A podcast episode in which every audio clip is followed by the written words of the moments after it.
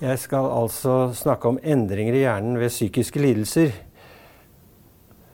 Og spørsmålet er jo da er, er det noen grunn til å lete i hjernen eh, hvis vi skal forstå psykiske lidelser.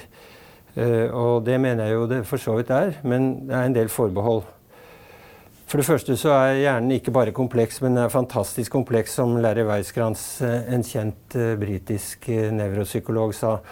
Nærmest som et hjertesukk etter å ha studert hjernen i et langt liv. Og det er noe med komplekse fenomener, komplekse systemer, at uh, de er lite egnet for en reduksjonistisk tilnærming.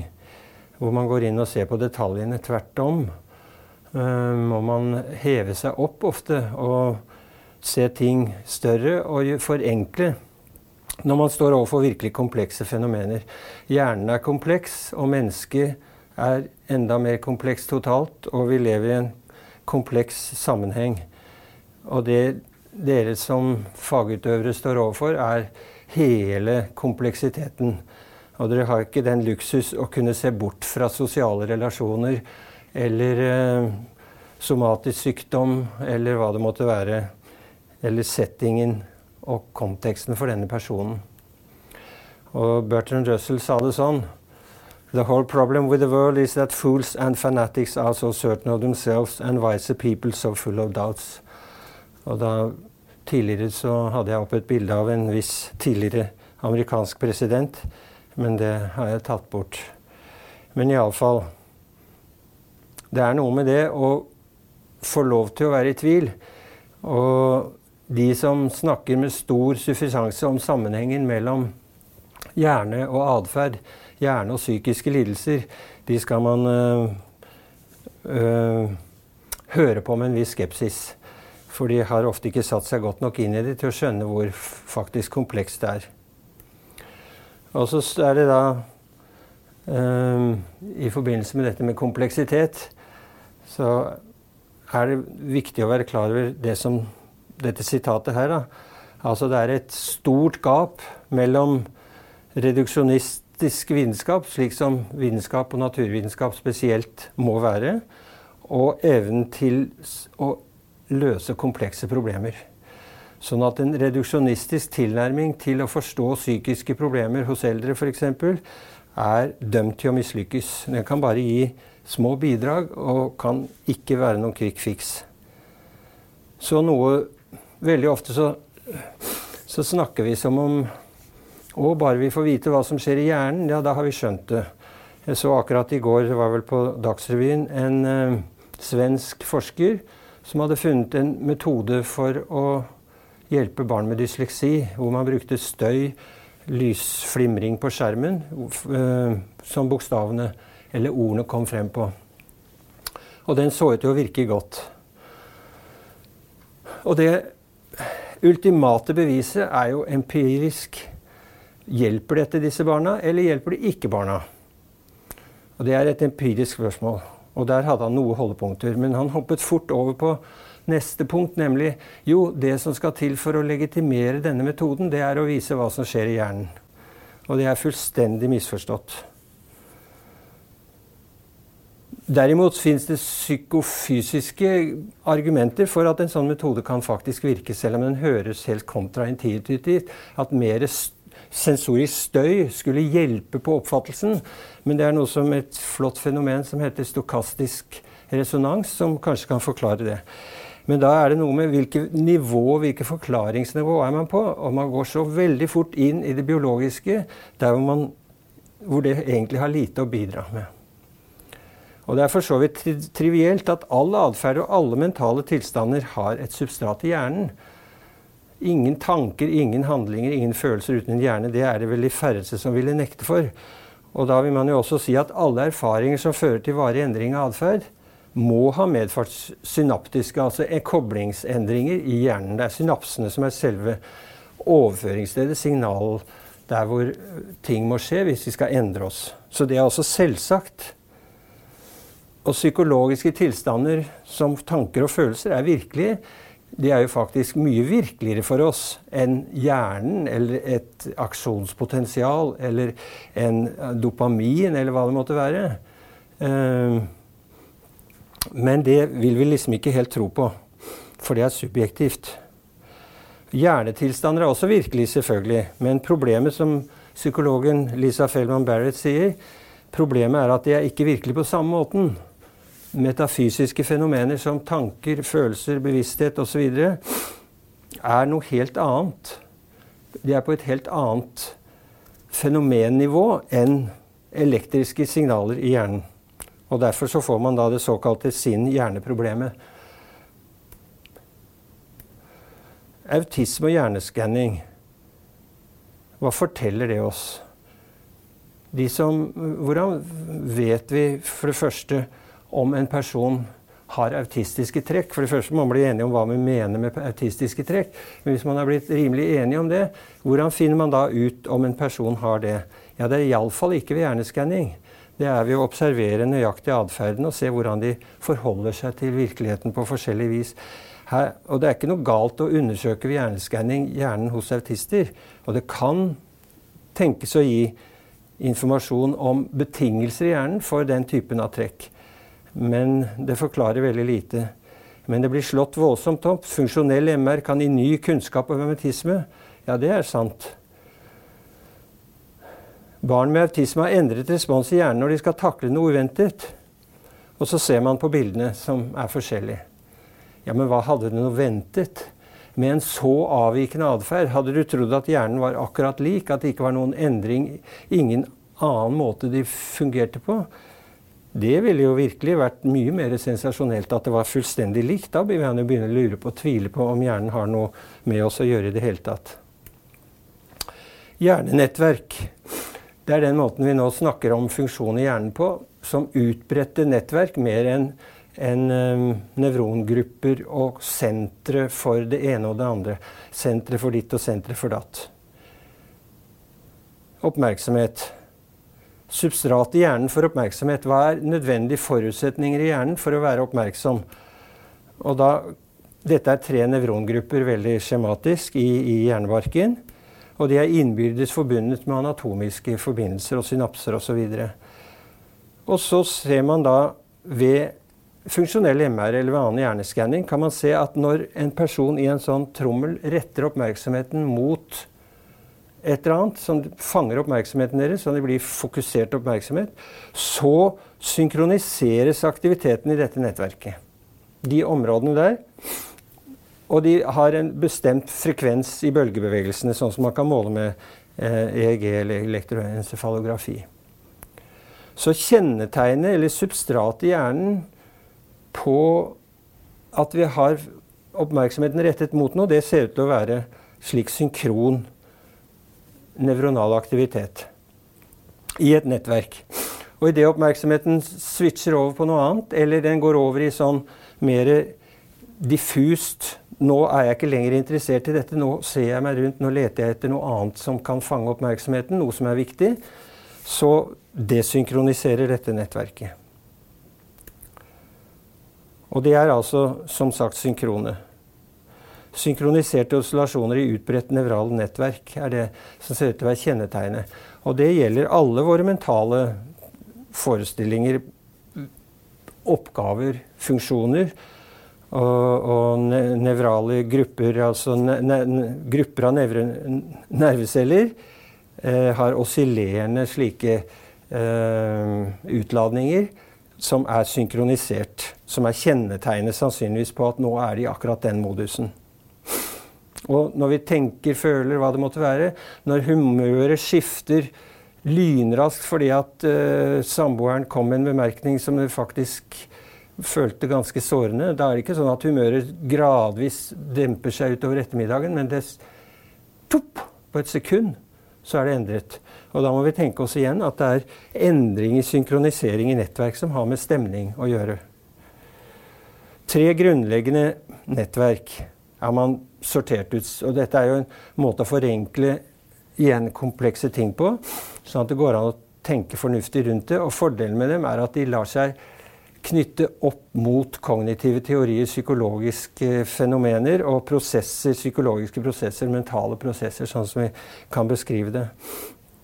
Utførelsesnettverk, eksekutivnettverket, Det som vi trenger for å holde oppmerksomheten, det som vi trenger for å holde på informasjon så lenge at vi skjønner hva det er, det vi trenger når vi ikke lenger kan gå på autopiloten, når, vi, når de kjører til jobben og har den, kjørt den samme veien alle ganger. Du trenger ikke å tenke på det i det hele tatt. Så plutselig så er det en veisperring eller et eller annet som skjer, og så må du begynne å ta inn ny informasjon og, og, og tolke og, og, ta beslutninger. Da trenger vi eksekutivnettverket. Selvregulering, uten å gå nærmere inn på det, er jo viktig, en, en viktig funksjon i dette nettverket. Det å kunne utsette behov for å nå et mer langsiktig det å kunne rydde bort forstyrrelser mens man holder på osv. Så, så har vi et viktighetsnettverk som det er andre deler av hjernen. Det spiller ikke så stor rolle akkurat nøyaktig hvilke deler. Og, og, men det nettverket ser ut til å bli særlig aktivt når vi analyserer om ting som skjer, er viktig for oss. Har dette noe med meg å gjøre? Og da er det jo som terapeut så er det første ikke å undersøke så innmari mye Man må gjerne undersøke eksekutivfunksjon, men den får man vite veldig lite om hvis vi ikke først finner ut om det vi nå gir av oppgave, oppfattes som meningsfylt og viktig for den personen det dreier seg om. For hvis ikke viktighetsnettverket forteller at dette er noe med meg å gjøre, og dette er viktig for meg å holde på med, dette er noe grunn for meg til å holde på med, ja, så er det jo ingen grunn til å bruke ressurser opp til eh, utførelsesnettverket eller bruke eksekutivfunksjoner. Så heller enn å gå inn og trene eksekutivfunksjoner, som kanskje har lite for seg, så må man finne ut hva er det som er viktig for akkurat dette mennesket. Og så har vi da standard eller default mode, som ser ut til å være aktivt f.eks. når vi dagdrømmer, når vi ruminerer og, og, og bekymrer oss og, og, tenker mer interne ting. Skal ikke gå i detalj med det. Men disse tre nettverkene er jo ikke isolerte størrelser. De må, det ser ut til å være en rimelig velfungerende person mentalt. Så må disse nettverkene hele tiden samarbeide på en fornuftig måte. Og bare for å nevne det at eh, emosjoner vi endrer aktivitet i alle disse nettverkene. Tanke og følelse henger faktisk sammen. Det er ikke sånn at vi har tanker uten følelser, eller følelser uten tanker, som, som nevrologen Damasio gjorde narr av for mange år siden. Som om vi har et sinn uten Eller hvor, hvor tanker ikke vekker følelser, og følelser ikke vekker tanker. Som om vi kunne separere oss ut i en, i en rasjonell og en følelsesmessig del. Et velfungerende menneske er jo det som greier å integrere disse to tingene. Schizofreni og nettverksforstyrrelser. Det er jo gjort mye undersøkelser på det. Og man finner endret mengde hjernegrå substans, altså eh, tegn på tap av nervevev og sånt ved forskjellige nevrologiske lidelser eller psykiatriske lidelser og ved smertetilstander og you name it, hva som helst, så finner man Det er veldig grove, veldig grove angivelser som gir oss veldig lite. Det, det, er ikke mye hjelp i å høre at i gjennomsnitt så er det så og så mange prosent mindre grå substans i frontallappen hos langschizofrene enn eh, hos andre. Uh, for igjen så vil disse forskjellene være veldig små sammenlignet med individuelle forskjeller mellom friske f.eks. Men iallfall, det som ser ut til å kunne være en, en, interessant ting, er at det er forstyrret funksjonell forbindelse mellom viktighetsnettverket og eksekutivnettverket. Altså Viktighetsnettverket og eksekutivnettverket hos schizofrene har endret forbindelsesmønstre. Om det er forsterket, svekket det, det, Vi er ikke på et nivå hvor vi kan tolke de tingene noe, noe særlig fornuftig. Men det, jo, det gir jo for så vidt mening at sånn veldig grovt sagt at schizofrene noen har sagt at de i for stor grad stoler på det de har med seg fra før, og i for liten grad greier å koble det nye, det som er situasjonsbetinget, til eh, å, å la det få lov til å styre. For nå er jeg i den situasjonen. Da er det ikke rimelig at det er faktisk eh, eh annen, et komplott som foregår mot meg, eller hva det måtte være, som, med vrangforestillinger at altså eh, de har for liten evne til å forholde seg til nå-situasjonen og bruke for mye, stole for mye på det de har lagret fra før. Det interessante er jo at ved autisme så ser det ut til å være omvendt. At de i for liten grad har evne til å bruke øh, De er altfor mye på viktighetsnettverket her og nå, og for lite evne til å bruke informasjon fra tidligere. Så det kan være en grunnleggende Og da er vi på et nivå hvor biologien her kan knyttes til fornuftige eh, hypoteser om eh, hvordan schizofrene fungerer, som igjen er ut fra empiri og erfaring. Depresjon, svikt i nettverkenes informasjonsbehandling. Jeg trekker frem bare noen sånne elementer som er knyttet opp mot uh, biologi og, og, og um, psykiatriske eller psykiske lidelser. Og det man tenker seg, og det er holdepunkter for det, selv om det ikke kan bevises hos enkle mennesker Hos en frisk person så har vi da eh, mønster av eh, forbindelser, og alle sammen er synaptisk koblet sammen. Og dette er et fint nettverk som fungerer når det gjelder f.eks. stemning, tankevirksomhet eh, osv., stemningsleie osv. Så sånn. Og så ved deprimert er det en nettverksfeil. Vi har ikke sagt noen ting om årsaken til det igjen. Ikke sant? Det kan være så mange ting. Det kan være en genfeil, en biologisk ting som ligger der som en tikkende bombe. Eller hos de fleste ytre ting som endrer på det. Men iallfall så blir det nettverksfeil. Er det holdepunkt for. Og under behandling så gjenopprettes normale forbindelser. Det øker i det man kommer seg, så øker lærevilligheten i systemet. Og så eh, reetableres forbindelsene, og så er man frisk. Og her er bare eksempel på hvordan restraint stress, altså rotter som hindres i å bevege seg, som er en ekstremt stressende for en rotte. Det er for mennesker også, men Og da ser man nevroner i, eh, oppe i eh, mediale deler av eh, pannelapp prefrontalkortex, som er for så vidt relevant område. Og da ser vi at kontrollene er, ser de sånn ut. Og ved stress av denne typen så mister de utløpere, dendritter som det heter, her oppe. Og det betyr at det, de taper massevis av synaptiske koblinger faktisk i, i denne delen av hjernen hos disse dyrene. Så her har vi et biologisk eh, korrelat for hvordan stress virker på hjernen. Og det er mange andre måter også, så det er bare ett element i det.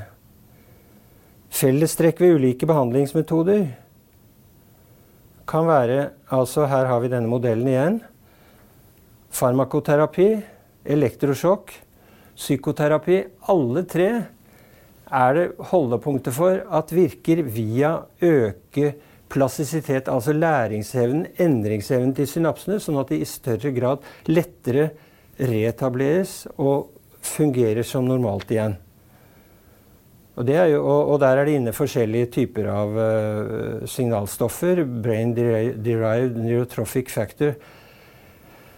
BDNF er sånn, et sånt stoff som ser ut, kunne, ser ut til å kunne virke via, altså som øker vi kan kalle læringsevnen i systemet. Og da Ja. Og så er, det, er man frisk igjen. Og det, det betyr jo ikke at elektrosjokk f.eks. bare virker på den måten. Så det går jo ikke an å si at ja, men elektrosjokk må være fint fordi at det øker plastisiteten i hjernen og derved bedre. Da må man også se på andre virkninger det har. Det er klart, selvfølgelig. Men, men, det er jo interessant at det kan være felles, grunnleggende felles mekanismer. Hvilken, altså også at psykoterapi faktisk da også øker læringsevnen, plastisiteten, og på et rent biologisk at du får mer av typer av signalstoffer som øker plastisiteten i hjernen. Rewiring of the brain, altså gjen, gjenoppkobling. Eh, og da sier disse forskerne Altså at uh, Det samme som jeg viste i stad, at uh, det ser ut som uh, antidepressiver også, enten det er den ene eller den andre typen, bidrar, virker ikke først og fremst ved å endre serotonin eller hva det måtte være. Det er bare et ledd i en kjede. Men uh, at de faktisk virker ved å endre plastisiteten i hjernen. Endre læringsvilligheten. Men, og da sier det seg jo også selv at hvis det er det man gjør ved alle disse tiltakene, så må man jo også Det er jo ikke nok å endre læringsviljen hvis ikke du også har et miljø som gjør at du blir stimulert til å lære, til å lære de tingene som er viktige for å komme tilbake til et normalt liv, f.eks. Ja, og det er ekstremt vanskelig å sortere ut i hjernen. For jo mer man undersøker, jo flere deler finner man endringer og som er aktive på en eller annen måte i hele det komplekse bildet som vi kaller depresjon. Som jo ikke er én ting, men egentlig masse forskjellige tilstander. Ja. Og det interessante nå, for å gjøre en lang historie kort, når det gjelder antidepressiva, så er det kanskje at endepunktet for virkningen det er slett ikke serotonin eller noen av uh, disse disse monoaminhypotesene og sånt noe, men at det er faktisk eh, eh, de eh, reseptorene, mottakermolekylene, som glutamat virker på. Og glutamat finnes overalt i hjernen. Og alle systemer bruker glutamat for presis eh, informasjonsbehandling. Og, og uh, vi vet da at sånn som ketamin, som jo om det ikke akkurat eh, er vidundermiddel, så kan det iallfall ha dramatisk og rask virkning på depressive symptomer. Og det virker inn på NMDA-reseptorer som eh, direkte. Men da har du også det problemet at disse fins overalt og i så mange funksjoner at det, det blir en knivsegg å balansere på eh, og få effekt. Og få dramatiske bivirkninger som vi vet veldig lett kan opptre. Nettverksendringer ved alle psykiatriske lidelser? Ja.